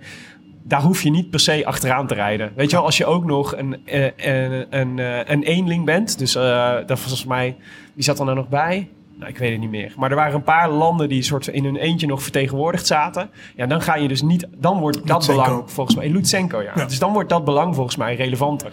Dan ga je gewoon samenspannen met de Deen. Ja. En eh, waarom zou je er dan achteraan rijden? Laat dan iemand anders het werk maar opknappen. Maar ja, dat had natuurlijk uiteindelijk weinig effect Nee, op met de die helder achteraan eh, was dat eigenlijk niet nodig. Want ja, daar was het zo selectief dat iedereen wil. eh, Ja, nee, precies. Nederland was geweldig vertegenwoordigd hè, op dit moment. Het was echt ongelooflijk. Wij, zaten, wij stonden dus eh, met z'n allen bij elkaar. En de hele, het, het, het viel op dat de regie en de commentatoren niet echt veel aandacht besteden aan wie- welke Nederlanders zitten nou nog. Wie zei, er werd een paar keer gezegd, er zitten nog vijf Nederlanders bij. Maar we probeerden even te tellen wie dat dan waren. Maar op dat moment zat volgens mij iedereen behalve Poelsen nog bij. Want Ja. zelfs Wening zat nog tot, Ja. eh, tot Ja. zeer laat eh, in, eh, in de kopgroep erbij. Klopt. Dus het was Nederlanders. Was, de, de Nederlanders kwamen te snel voorbij in een stilstaand camerabeeld om ze allemaal te kunnen identificeren. Ja. Zulke luxe hadden wij. Ja, het was, het was echt inderdaad, denk ik wel, ook, ook weer dankzij het parcours, een van de sterkste ploegen die we afgelopen jaren op 2K hebben gezien voor Nederland. ja, absoluut. Ja. En eh, dat was, eh, dit was een. Ja, Kruiswijks demarage was. eh, ik, vond het, ik dacht even dat hij een kopgroepje ging meekrijgen. Maar ja, dan wordt het op een gegeven moment wordt het zo'n lint. En dan trekt het weer bij elkaar. Dat was zo jammer. Het was net niet splijtend genoeg. Nee, maar het was een beetje dezelfde rol als die, eh die eh, Ome en ehm eh, Tolhoek hadden. Hè? Dus, dus eh, proberen om de koers zo hard mogelijk te maken door gewoon eh, door, door te fietsen. Ja. En dat lukte heel erg goed, want het was, het was super onderscheidend. Ja. Dus eh, op de, de highway to Hull eh, kwamen, kwamen we eh, op een gegeven moment met een... eh, met een eh, dit groepje werd steeds kleiner, eigenlijk de mannen die er echt vandoor gingen. heel snel. Het was echt in twee minuten bestond die kopgroep niet meer. ja. En toen hadden we vooraan, eh, plooi, ja. vooraan hadden we rijden Woods, Moscon, Valverde en Bardet. ja. Die zaten bij elkaar. En Alaphilippe zat er ook nog een tijd zat hier, zat hij erbij. Maar die, die bungelde er al snel af. Ja. Maar wat ging Woods in een... Het was echt Woods. Die is dus gespecialiseerd in dit soort percentages. Hij moet gewoon 30% of meer moeten hebben om, eh, om Ja. goed omhoog te kunnen rijden. Maar die hè? gewoon iedereen op een hoop hier. Ja, ja. Ook alweer Vuelta, inderdaad. Ja. Waar hij ook al dit, eh, dit goed deed Ik natuurlijk. vond het wel heel verrassend hoor. Want in de, in de Giro, hij had het na de Luik Bastaak Luik, waar hij heel goed reed, had hij aangekondigd dat hij voor de Giro eh, het klassement wilde rijden. Nou, daar zakte hij toch een beetje door het ijs. Ja. En nu is hij gewoon echt top. Ik, ik ben verbaasd. En bovendien komt hij van een ploeg die, eh, nou ja, dat is een hele kleine ploeg natuurlijk, met heel weinig budget. Nee, ik, ik, ik vind het echt een verrassende move hoor. Die, Ik die vind hem niet eens zo heel erg... hij is niet eens zo heel erg klein en iel. Voor iemand die zulke percentages goed aan kan. Hij is gewoon... Ik weet niet, misschien wordt hij gewoon super enthousiast... en krijgt hij een soort turbo boost als hij zo'n helling ziet. Ja. Maar niemand kon hem hierbij houden. Als het, als het iets langer had geduurd... had hij gewoon iedereen eraf gereden. Ja.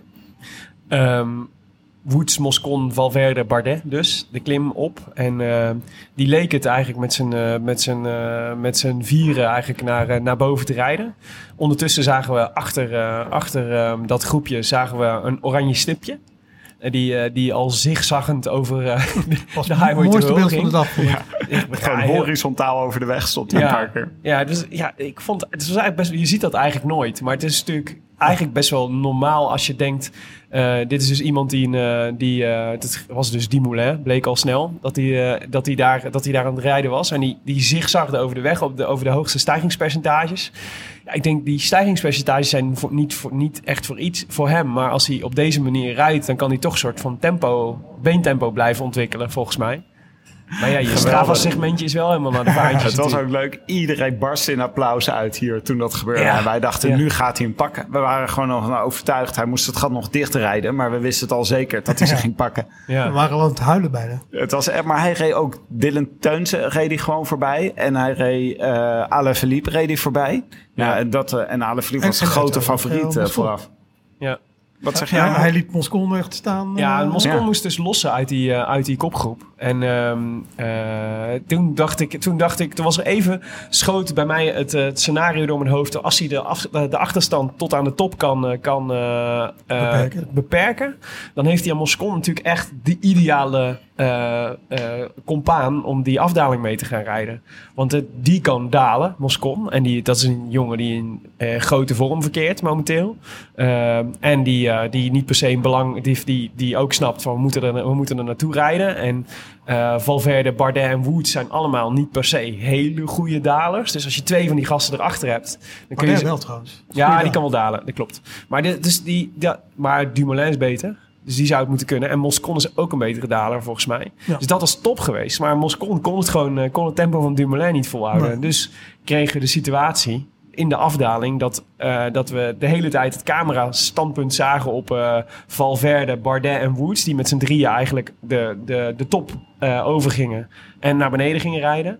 En dat wij eigenlijk iedere keer zaten te denken, waar zit Dumoulin, waar zit Dumoulin? Want we zagen hem maar niet in beeld.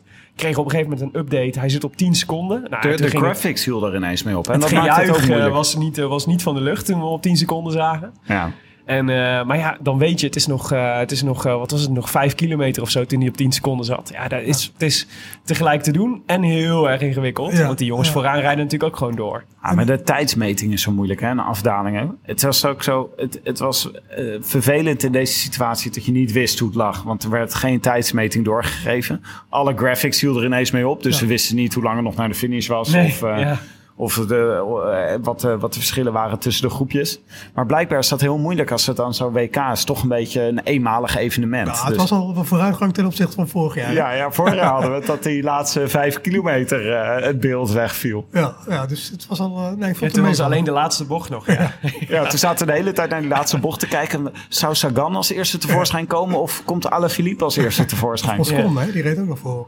Volgens mij waren we aan het wachten op Alaphilippe en Moscon. En kwam Sagan toen ineens tevoorschijn. Nou, het komt nog een groepje inderdaad. Ja. Ja, ja, ja. een groepje met Sagan erin. Ja, en toen dachten we, oh nee, echt. Nee, die dus, beelden zijn ook nooit meer teruggevonden, toch? Ja, Wat die zijn op YouTube eh, waar Ja? die nog te Oh, vinden. Dat was wel heel kijken. leuk. Ja, ja. Oké, oh, dan kan Maar- ik nog eh, kijken hoe, het, eh, hoe dit tussen uh, Ja, precies. Je, je is kunt het nog reconstrueren, ja. Maar deze, dit WK was inderdaad, wat dat betreft, eh, die suspense zat eigenlijk in, in die afdaling. Hè? Dan komt Dumoulin nog terug. En, en ik denk elke gewone, tussen aanhalingstekens, renners, renner, die was, die was niet teruggekomen. Maar Dumoulin is geen gewone, hè. Die, die, die rijdt die... Die, die, die rijdt het gewoon dicht. Dat Ja. ik vond het echt ongelooflijk. Ja. Ik had het niet verwacht. Ze hielden niet stil. Het was niet zo dat ze naar elkaar begonnen te kijken... Nee. en dat Dumoulin Nee. daardoor erbij reed. Maar die reed gewoon het gat dicht. Je zag wel een soort vraagteken boven het hoofd van Valverde. Hè, van moet ik doorrijden of eh, moet ik linkerpallen? Ja. Ja, ging hij uiteindelijk toch wel doorrijden. Nou goed, dat eh, bleek eh, de gouden tactiek uiteindelijk. Maar ik denk wel dat ze bang waren voor Dumoulin. ja. Ik, had vond dus- het heel gek dat... ehm, want ik vond dat ze, ze werkten nog heel goed samen, vond ik. En ik vind... Dat, ja, dat is natuurlijk... Dat, bij een WK is eigenlijk een gekke koers. Omdat eigenlijk dat de enige koers is waar de plekken 1 tot en met 3 eigenlijk echt tellen. Hè? Dus een brons, op, een brons op het WK is gewoon een prijs eigenlijk. Terwijl eigenlijk alle andere koersen is tweede of derde worden is leuk, maar dat, is, dat telt Eigenlijk natuurlijk niet. niks. Ook gewoon letterlijk. Hè? Dus de, de, de, zijn, nou ja, dat is trouwens, ik wou zeggen, er zijn, je, je komt als tweede en derde niet op het podium, maar dat is niet per se waar. Maar in de, in de grote rondes bijvoorbeeld wint alleen, komt alleen de, de, de ritwinnaar komt op het podium te staan. En, eh, maar bij het WK is het wel echt de derde plaats is nog steeds een prijs. Dus het is ook heel gek, want er zijn dan in één keer, als je met z'n drieën voorop rijdt, weet je zeker, dan ben ik in ieder geval, dan ben ik in ieder geval derde. Eh, maar eigenlijk is het natuurlijk heel raar dat Woods en eh, Bardet mee gingen rijden met, met Valverde. Want je, ga, je gaat niet met Valverde naar de finish zonder geklopt te worden. Nee, nee, maar dat is denk ik inderdaad typisch voor een WK. Maar je ziet het eigenlijk ook al in de grote rondes. Hè, dat op het moment dat de plekken verdedigd moeten worden. Van Ja. oké, ik sta nu eh, vijf en ik wil mijn plek verdedigen. ja. Dan gaan ze op een hele andere manier koersen dan eh, wanneer dat niet zo is. En dat zie je hier ook. Hè, die plek 2 en 3. Ja, het is wel een zilveren of een brons medaille. Ik ga ervoor rijden. Dat zag jij Woods en eh, Bardet heel duidelijk. Ja. En ik denk dat Bardet misschien ook nog wel de illusie had dat hij Valverde kon kloppen in de sprint. Mm. Ja, ik want dan- je weet ook... De, Ja, wel Het vrij naïef van Romme. Nou, maar het is het, het is het WK, dus alle, alle kaarten zijn, liggen anders dan normaal. En ik vond, wat ik wel heel erg leuk vond aan dit moment in de, in de koers, was dus dat Dumoulin steeds dichterbij kwam. Maar dat ik dacht, ik zou Valverde dus ook een schitterende winnaar vinden van dit WK. En Bardet ook. Want ik, ik heb dus de hele tijd ge- gedacht dat dit het jaar van Bardet ging worden. Omdat hij vorig jaar zo ontzettend eh, goed aanvallend reed in de Tour. En eh, eh, ik ervan overtuigd was dat Froome op de weg terug is. En dat Bardet nu wel eens Froome zou kunnen gaan verslaan in de Tour. Dat is helaas niet gebeurd. Maar aan het begin van het seizoen dacht ik ook... nou, dit WK kan wel eens perfect worden voor Bardet.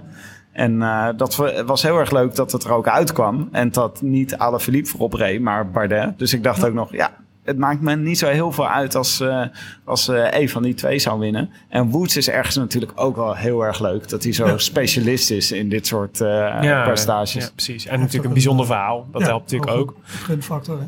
Maar de, de, de, ja, precies. Maar we zagen, we zaten hier dus met z'n allen te kijken. En eigenlijk was het verhaal daar van hier was natuurlijk, haalt Dumoulin het of niet? Echt En, eh, hartkloppingen gehad hoor. Ja, echt. Ik, eh, dat is natuurlijk echt de spanning was te snijden. En vooral omdat we hem iedere keer net niet in beeld kregen. Dus hij was volgens mij, kwam iedere keer net door toen, het, toen de regie net geswitcht was weer naar een ander camerastandpunt. Dus we hadden lang niet door waar hij reed. was zo'n beeld van hij rijdt op 10 seconden. Eh, en, eh, en ineens was het, bleek het eh, zeven of zes seconden te zijn. En toen zagen we dat hij ze in schoots, op schootsafstand had. En, en dan weet je, Dumoulin is zo wel zo'n tijdrijder en wel zo iemand die zijn krachten kan sparen. Dat je weet, hij rijdt er gewoon naartoe. Ja. En, maar eh, we weten ook dat hij, we wisten ook op dat moment van ja, wat, is, wat gaat hij doen om hier, Ja. om hier de overwinning eruit te slepen? Ja. Want Rob en de Rover gaat niet werken bij zulke Ja, toch, was, toch was dat mijn hoop, dat hij dat, dat hij dat zou doen. En dat ze dan zo in, in hun, eh, eh, hè, dat ze zo confus waren dat ze niet wisten wat ze moesten doen. Dat ze Dus zouden schrikken en stilvallen. Ja. Ja. Ja. Maar daar had hij denk ik net wat te weinig voor over. Ja, dat en ik, ondanks dat die jongens hadden samengewerkt, denk ik wel dat ze, eh, dat ze, ehm, ondanks dat die jongens samen hadden gewerkt, denk ik wel dat ze eh, iets wat meer hadden kunnen sparen dan Dumoulin. Dus ik vermoed dat als hij, hij Dumoulin zei zelf ook, Valverde was bijvoorbeeld zo scherp dat hij, die had hem wel opgevangen. Dan nog is natuurlijk altijd de vraag: je moet, wat is de beste strategie? Echt de echte coolste renners, zeg maar, die hebben altijd een strategie om te winnen, nog. En dat was natuurlijk bij Dumoulin was uiteindelijk was natuurlijk wel een beetje jammer dat hij die dat hij na eh, ik ben erbij hield het eigenlijk op. Ja, het- het- het- in die zin deed het een beetje denken aan die etappe naar Alpe hè, waar hij eh, in die kopgroep reed met Ja. Thomas. En ook in de sprint eigenlijk er niet meer was. Ik denk ook omdat hij daar te gewoon op was. Ja, Dus dat was een beetje het, hetzelfde. Toen schakelde hij toch verkeerd? Ja, het- ja, dat was het verhaal achteraf.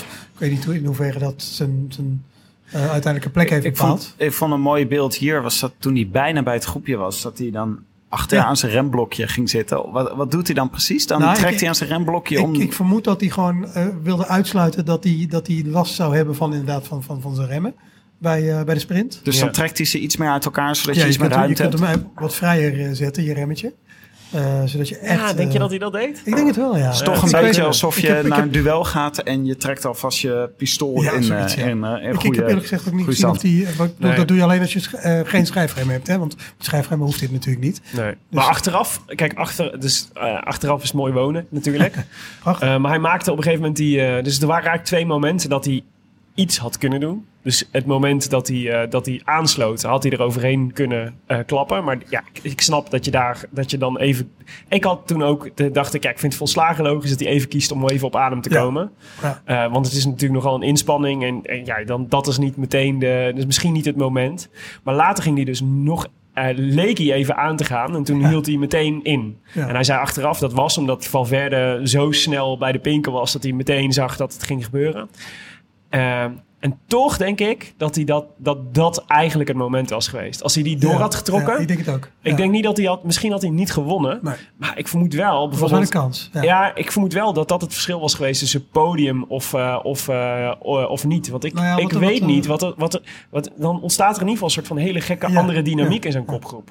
Nou, eens, want ik denk Dus dan dat was Valverde... Valverde op zijn wiel gesprongen. Prima. Ja, En, maar dan, en Woods en, eh, en eh, Bardet misschien niet. Nee, en, en misschien waren die dan wel gedemoreerd, hè? Dat, dat dat heel goed gekund. Ja. Maar dit was, dit was wel natuurlijk het moment, want als Valverde was, dan was blijven zitten, als Dumoulin was weggereden, dan, was die, dan had hij een gaatje gehad, denk ik. Ja, Want die andere twee gaan niet voor Valverde dat gat dicht. precies. Ja, nee. Dus, dus dit was inderdaad het moment, dat had hij denk ik goed gezien. ja. Maar ja, Valverde, die is, ja, god, die man is 82, die heeft natuurlijk een koers in zich. te- ja dat was, dat, daar moeten we het misschien zo ook nog even over hebben. Want dat is natuurlijk wel echt fascinerend. Als iemand altijd een strategie heeft om te winnen, dan is het wel verder wel. Maar dit was dat. Ik vond het toch. Ik dacht. Dat is toch, dat is toch jammer. Dus dat, dat is toch- ik, vond dat, ik vond het een grandioze prestatie van Dumoulin. Laat dat eh, voorop staan. En eh, hij wordt hier gewoon weer vierde nadat hij tweede in de tijdrit was, eh, is geworden. Maar daar- daarvan hoop je toch van dit soort gewiekstheid en een soort geslepenheid. Hij je moet iets proberen. Ja, ik, ik denk dat hij die geslepen heeft. En die gewikheid had hij wel, want hij had op dat moment dus in zijn hoofd dat hij Ja. weg wilde rijden. Maar je moet het ook kunnen, hè? Ja, maar dat is, dat is natuurlijk zo. Maar ja, je moet het ook... Kijk, je, hij kan meefietsen. Dat kan hij. Dus en hij kon aanzetten. Ja, het is, ja, dit is, makkelijk, dit is natuurlijk super makkelijk praten hier achter een microfoontje. Hè? Dat is, daar ben ik de eerste die dat toegeeft. Maar je hoopt gewoon dat hij dan... Zelfs al is het een poging op 80%, want dat alles is wat je hebt. Je moet iets doen om de Ja. dynamiek in zo'n groep te breken. Maar dat, want had, anders dat, dat had hij ook door, hè? Dat had hij ook door, want Want daarom deed hij het. Ja maar, ja, maar hij zet er niet door. Nee, maar wat je zegt, ik denk dat hij inderdaad in de smie zat dat Valverde op zijn wiel zat. Ja. En dat op dat moment dus geen zin had. En het moment daarna, ja, toen was het eigenlijk het moment gewoon voorbij. Ja. En, en toen heeft hij gegokt volgens mij op, op de lange sprint. de lange sprint, ja. Ja. Maar er zijn zoveel mogelijke scenario's hè, op zo'n moment. Want het zou ook kunnen dat Woods nog een keer aanvalt. Of dat Bardet nog een keer aanvalt. Iedereen kijkt op zo'n moment naar elkaar van wat doen de anderen. En zorgen zij, z- zorgt een van hun acties voor een voordeel voor mij. Dus het had op dat moment ook gekund dat Dumoulin sluit aan. Moet er iemand misschien lossen? Of gaat Bardet aan en moet Valverde erachteraan... waardoor hij niet meer goed kan sprinten? Dat zou natuurlijk, dat is ook best wel een reële gok. Ja. Dat er nog even die andere twee demereert... waardoor jij een voordeel hebt in de sprint. Mhm. En eh, voor Dumoulin was het natuurlijk ook zaak op dat moment... om nog even bij te komen. Want hij had zo'n lange achtervolging gedaan. Die moest even zijn benen eh, rust geven... om nog een extra punch te kunnen hebben... op het moment dat het nodig We was. kijken, we kijken daar inderdaad met, met een beetje een oranje bril naar. Maar wat hè, die, die andere twee, Bardet en Woods, hadden op dat moment natuurlijk ook kunnen zeggen van... Oké, Dumoulin is erbij. Als wij die vertrekken... Ze hebben dan- niks geprobeerd, nee, hè? Nee, nee. Nee. Dus ik denk dat die ook stuk zaten. Dat. En ik denk dat dat zeker. En ik denk dat de dynamiek van ehm, als we gaan, is de kans groot dat het mislukt.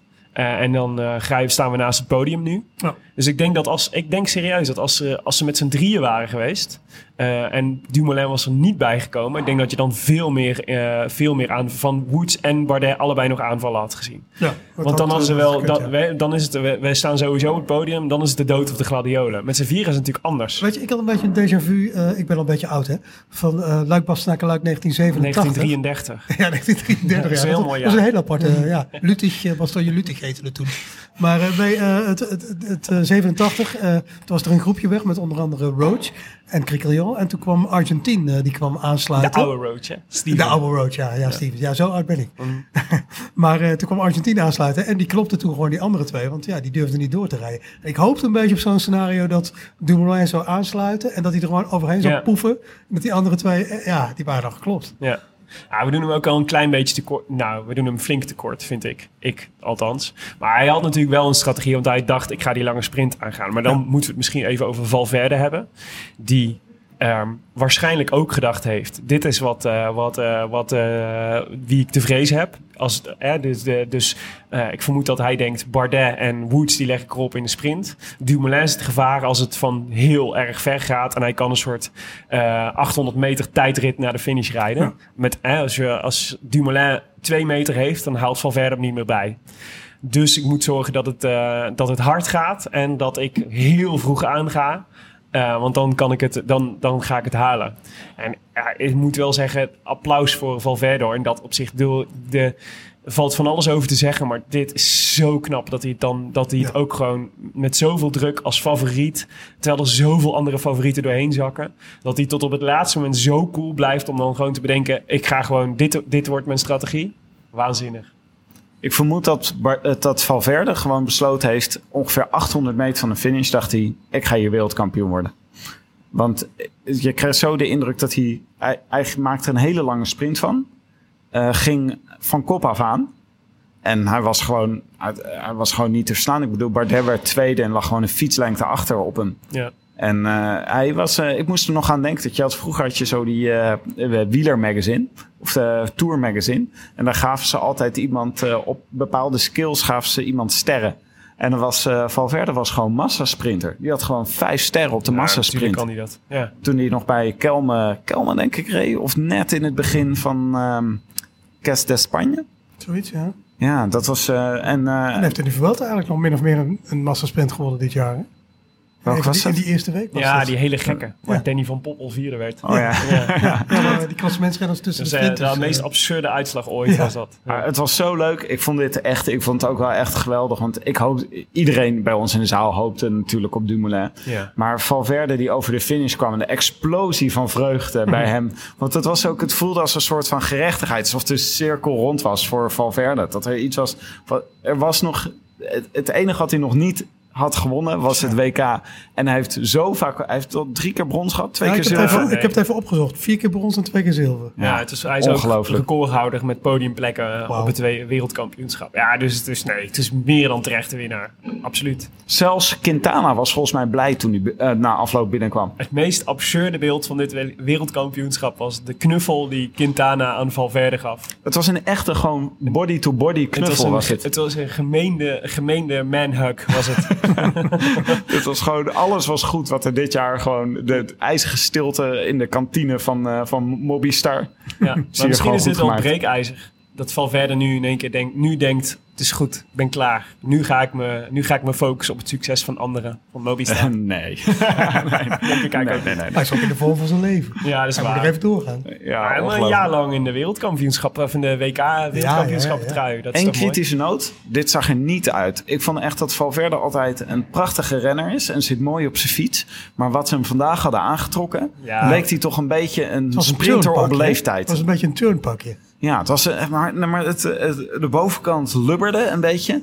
Dan was het, om een of andere reden stond heel groot Covidis op. Wat ik toch Ja. ook een beetje raar vind. Ja. En dan eh, met allemaal verloopjes erop. Het, en daardoor zag Valverde er ineens echt lelijk Het uit was op een afzichtelijk outfit. Ja. Dat de Spanjaarden hadden aangegeven. Maar sowieso was het, het was een daar, slecht eh, jaar. Kun je daar strafpunten voor geven? Nou, dat zou wel drie seconden straf, eh Ja. straftijd. Is Bardet? Ja, nee, want die had ook een heel lelijk pak aan. Oh, dat is waar. Te weinig onderscheidend. Eigenlijk is Dumoulin gewoon wereldkampioen. Ja, Woods vond ik nog wel oké. Oh, Oké, vooruit Ja. dan. Maar misschien, ja, dit was ook een van de redenen waarom Valverde echt de regenboogtrui aan moet. Ja, Dus waar. gewoon om het goed te maken. In de, het schijnt, eh, hij suggereerde zelfs wat dat in de ronde van Lombardije straks een regenboogtrui gaat Oh, dat aantrekken. wordt mooi. Dat wordt mooi. Skitterend. Ehm, het was, eh, als je naar de uits- rituitslag kijkt, of de, de, de uitslag kijkt van dit WK, dan zie je ook wel dat het echt een onderscheidend, eh, een onderscheidend parcours was. Want eigenlijk de eerste renner die ik er niet zou verwachten, of waarvan ik, waarvan ik opkeek, eh, eh, was op nummer 25 Tchernitsky eh, van Astana, een Rus. Nou ja, en dat is nog niet eens echt een koekenbakker. De Nederlanders deden het hartstikke goed. Dus, de, de, de, dus nou ja, Dumoulin werd vierde. Sam Omen werd ook nog gewoon veertiende. Eigenlijk eh, een super knappe uitslag natuurlijk voor zijn jonge gast. Tolhoek 28ste. Kruiswijk 27ste, dus die kwamen samen over de finish. Dus het was, eh, als je naar de top 30 kijkt, allemaal, eh, allemaal namen die je er wel zou Ik verwachten. zit net te denken, de- die vierde plek van Dumoulin is volgens mij de beste prestatie sinds de vijfde plek van Lars Boom in Valkenburg, volgens mij. Ja, ja? Ja, ik denk het wel, ja. Op het WK dan, hè? Ja. Hè? jij Lars Boom, de veldrijder van Team Roompot? Boompot, ja. Boompot, ja. Boompot, ik dacht, ik geef je even het voorzetje, Ja, dat kan je maken. Leon. Heel goed. Nee, ja, het is leuk nieuws trouwens, dat eh, Lars Boom naar Roompot gaat. Oh, is dit rond? Dat het is rond, ja, het werd eh, vanmiddag bekendgemaakt. Oh, wat Ja, leuk. Ja, ja, ja. Ja. Wel raar om dat op de dag van het WK bekend te maken. Ah, heb je wel maximum eh, aandacht, want het gaat wel over wielrennen Dan vandaag. kan je de hashtag eh Innsbruck 2018 erbij zetten. Ja, precies. Oké. Boompot Charles, hè? Hebben jullie dat nieuws ook meegekregen, dat Charles de co-sponsor is? Wat is Charles? Ja, volgens mij is dat, zijn dat niet worsten of zo? Hmm. Wel. Roompot worsten. Nou, dit, ik het vind het steeds smeuiger klinken. Prima. Ja, goed, hey, nog heel eventjes. eh, wat was jullie eh, hoogtepunt van dit WK? Van de hele week, hè? Van, het, van de hele week? Nou, ik vond, eh, ik vond vandaag echt fantastisch. Ik heb echt meerdere keren heb ik, eh, heb ik, eh, ik heb zweetaanvallen afgewisseld met, eh, met hartsprongetjes en eh, Ja. totale zenuwachtige momenten. Ik vond het echt, eh, terwijl eigenlijk op papier was het eigenlijk eh, vrij voorspelbaar wat er vandaag gebeurde. Ja. Maar, eh, maar het was een, eh, een schitterende koers, niettemin. Leon, hoogtepunt? Ja, ik ga toch even de pool noemen. Want eh, die jongen wordt natuurlijk al het hele jaar de nieuwe Merckx genoemd. En in België wordt iedereen helemaal gek van die, eh, van die coureur. Maar hij maakt het ook waar. Hè? Hij wordt gewoon wereldkampioen tijdrijden. Hij wordt eh, wereldkampioen op de weg. Ja, het is wel natuurlijk ongelooflijk goed dat je met die druk eh, gewoon twee keer eerste wordt. Ja. En volgend jaar bij Quickstep. Ik ben wel heel benieuwd hoe dat uitpakt hoor. Ik vind het wel een beetje vroeg. Ja. Maar echt Het ongelooflijk. is echt wel wat anders om tussen de jongens te koersen of tussen de mannen. Ja, ik kan misschien altijd nog terug naar PSV. Ik weet niet of hij een terugkeergarantie heeft. Ja. Dit gaan we net als Roglic, eh, Schande gaan we nog zo vaak horen dat, Dat hij, hij bij, PSV, PSV heeft. heeft me, hè, gespeeld. voor het NK wielerquiz. Ja, mijn, eh, ik, eh, ik ga toch. eh, ik zat gisteren samen met mijn dochter naar, eh, naar de vrouwenkoers te kijken. En eh, mijn hemel, Anna van der Breggen. Dat was wel. eh, ik, ik- ja, het was, het was, ze ging op 40 kilometer en het gat werd gewoon alleen maar groter en groter en groter. Het is echt talking about eh, van een andere planeet. Ja, Dit ongelooflijk. Alsof, ik bedoel, die andere vrouwen zijn toch ook geen koekenbakkers. Maar zij steken er zo met kop en schouders bovenuit. Dus eh, dat was wel fantastisch. Maar ja, het, eh, nou ja, Tim zei het al. We werden na afloop van deze koers eh, het podium opgevraagd. De Nederlanders. Als eh, de meest succesvolle landenploeg van het WK. Ik heb genoten hoor. Echt, het was, het was, ik vond het echt een fantastisch WK. Misschien, misschien nog één woordje wijden aan Annemiek van Vleuten, die met een gebroken knie heeft gereden. Ja, Dat is ongelooflijk, vind ik. Ik bedoel, Ja. als ik een, een, een pijn in mijn pink heb, dan stap ik al af. ja. Dat is toch niet te geloven dat je ja ja, dat, zo kennen we je. Pijn in je Dankjewel. pink. Pink. Pink. Pink. Pink. Ah, pink, eigenlijk. ja. Ja, nee, eigenlijk. Eh, Nee. maar maar wat, zei, je- wat zei je dochter ervan, van deze overwinning? Nou, mijn dochter, die, die, ehm, die, eh, ik zat samen met mijn, do- mijn dochter is vier en mijn zoon is twee. En mijn eh, vriend, Vriendin van Tolhoek. Ja, ja, precies, ja. toekomstig, hè, toekomstig. Laten we het niet eh, ongemakkelijk maken. Oké. Maar eh, die, eh, die, eh, die zaten samen te kijken en die, waren, die roepen dan de hele tijd naar het scherm... Mama, mama, mama. Want ze hadden daar even daarvoor hun moeder in een uh, wielren-outfit gezien. Dus dan is het ik, Ah, mama. Oké, nou ja, goed. Niet, Dat- ik wil niet suggereren dat Anna van, van, van der Breggen de moeder van mijn kinderen is. Hoewel mijn zoon de nieuwe Evenepoel is. Dit is echt, eh, hoe deze familielijnen precies lopen, wordt heel ingewikkeld. Maar ik denk dat hier een een keer een schema fantastisch wielerras uit tevoorschijn komt. Er zit toch een man in, hè? Ja. Dat zou echt goed zijn. Hey, ehm, de, de voorspelbokaal. Misschien moeten we daar even naartoe. Want ehm, die hadden we weer, een voorspelbokaal. En het is altijd fascinerend, want ik zet dat dan soort van om half twaalf s'avonds een keer eh, op, eh, door midden in de week op Facebook. Met twee vragen. Wie, wil, eh, wie, wordt, eh, wie wint er dit weekend bij de vrouwen en wie wint er bij de mannen? En letterlijk binnen een minuut of tien staan er gewoon veertig reacties onder van mensen die dan nog de behoefte hebben om te reageren. Het, is, eh, dit is echt heel erg leuk. En we- ook nu weer, ik geloof een eh, reactie of 120 of 130. Eh, mensen die meededen. Natuurlijk bij de vrouwen eh, was het, eh, wisselde Annemiek van Vleuten en Anna van der Breggen elkaar af. Bij de mannen was het natuurlijk Alaphilippe en eh, vooral Alaphilippe eigenlijk die heel veel genoemd werd. Ehm, Tim, jij had Annemiek van Vleuten en Michael Kwiatkowski. ja, nou, die stelde wel een beetje teleur hè, vandaag. Ja, Maar weer een fantastische tijdrit gereden. Van Vleut had ik ook niet goed, helaas. nee, zonde. Ik had Van de Breggen, puntje van mij. En eh, Wout Poels, ja, dat was echt... eh, ik, zou, ik wil daar nog graag een interview mee lezen, want ik weet niet zo goed wat daar gebeurd is. Eh, Jonne had eh, Van Vleuten, al zei hij dat hij van vrouwen geen verstand had. Misschien van vrouwen wielrennen. Het zou kunnen. En eh Moscon, nou ja, het is toch... eh, wat was het, vijfde geworden of zo, Ja. Moscon? Ja, goed gereden. Ja, ehm, maar er waren een aantal mensen die de dubbel wel goed voorspeld hadden. Namelijk eh, liefst, liefst acht mensen. Ik vond ik echt veel. Goeie. Ja, Robert Hillebrand, Koen van Jaarsveld, volgens mij oud-winnaar van de voorspelbokaal. Thijs Kranenburg, Pieter, Pieter Bezemer, Kai Tuk, Benno van der Velde, Henk Bert Kruisinga en Paul Nolens. En ehm, notaris van Eyck heeft eh, Benno van der Velde gekozen tot, eh, tot eh, de winnaar. De Volslagen willekeurig. De- wellicht de broer van Johan. Als dat zo is, dan hoop ik dat hij Johan de groetjes wil doen. Want Oh, dat, dat is namelijk een van de prijzen voor, de volgende, voor de volgende aflevering. En de kleine Heine krijg je. Dus als Benno van der Velde even zijn adres aan ons wil eh, doorgeven... dan zorgen wij dat hij een kleine Heine krijgt. Ehm, ja, we moeten er maar eh, een eind aan breien, toch? Dit was het WK weer. Goed WK, goede editie. Ja, heel, een heerlijke editie. Volgend jaar weer vlak, toch denk ik? Aanvallers. Ja, we zitten, we zitten in Yorkshire, hè? Nee, Ja. maar dat, kan wel eens, dat zijn mooie heuvels, hoor. Zit wel mooi Heuvelachtig. Ja, nee, ik Ja. heb, eh, het lijkt me wel een mooi parcours, hoor. Geen, maar niet een highway to hell. Nee, we gaan naar Harrogate, hè. Het, speelt zich allemaal af in Harrogate. Ik, weet niet, ik ben daar nooit geweest. Ben jij er wel eens geweest? Nee. We zullen hem wel weer op eh, Zwift zien, toch? Ja, dat Neem zit aan dat ze hem snel, eh, snel erop zetten. Dan kunnen we oefenen. Maar we hebben nog even de ronde van Lombardije te gaan. En dan zit het erop voor dit seizoen. En dan gaan we ons weer verheugen op de ronde van de Nieuwsblad. Ja, en, Omloop. eh, en de Tour Omloop van de Nieuwsblad. en de Tour Down Under en zo. Maar goed, dit was het WK. U luisterde naar De Rode Lantaarn. Gepresenteerd door uw favoriete bankzitters Willem Dudok en Tim de Gier. Vandaag met als speciale gast Leon Geuyen. Hoi, eh, Willem. De Rode Lantaarn. eh, Leon Geuyen. De Rode Lantaarn wordt geproduceerd door Jonne Series van Dag en Nacht Media. Wij danken uh, hetiskoers.nl. En speciaal eh, jou natuurlijk. Maar ook Bas van Eyck en Maart Visser en Bastiaan Gaillard. eh, voor eh, vele hand- en spandiensten rondom de Rode Lantaarn en het organiseren van dit leuke evenementje. Het is koers.nl, natuurlijk de allerleukste wielerblog van Nederland en Vlaanderen. Als je wil reageren op deze uitzending, dat kan. Via Twitter zijn we te bereiken via Willem Dudok, Tim de Gier en Gasoline Brother. Wauw. Waarvan de eerste goed O geen nul is.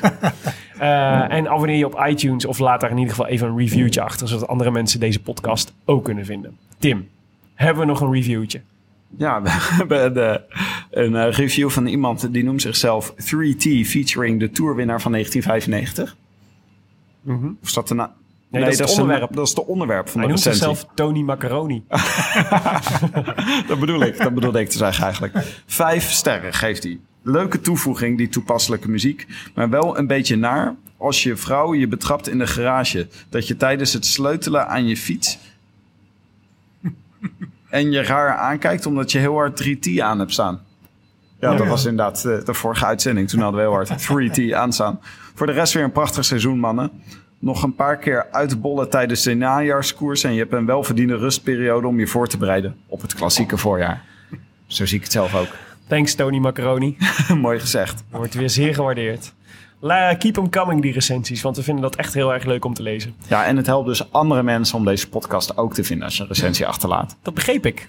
En eh, eens in de zoveel tijd geef ook een boek aan eh, de mensen die een eh, prachtige poëtische recensie achterlaten. Ja, dus ook daar maakt Tony Macaroni nog kans op. Dus als je daar ook kans op wil maken, klim in de pen, zou Donald Duck zeggen. Mooi gezegd. Donald Duck. Zeker. Dat was het. Het WK wielrennen. Een fantastisch WK wielrennen.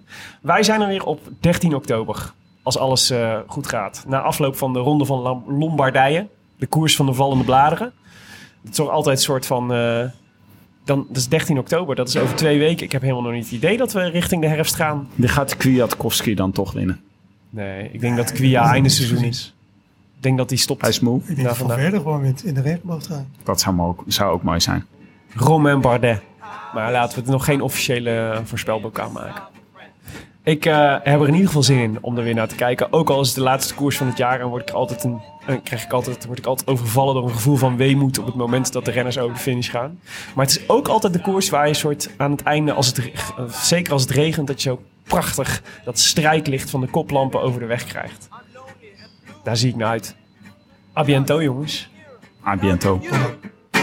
I wish I could be in the south of France. In the south of France. Sitting right next to you.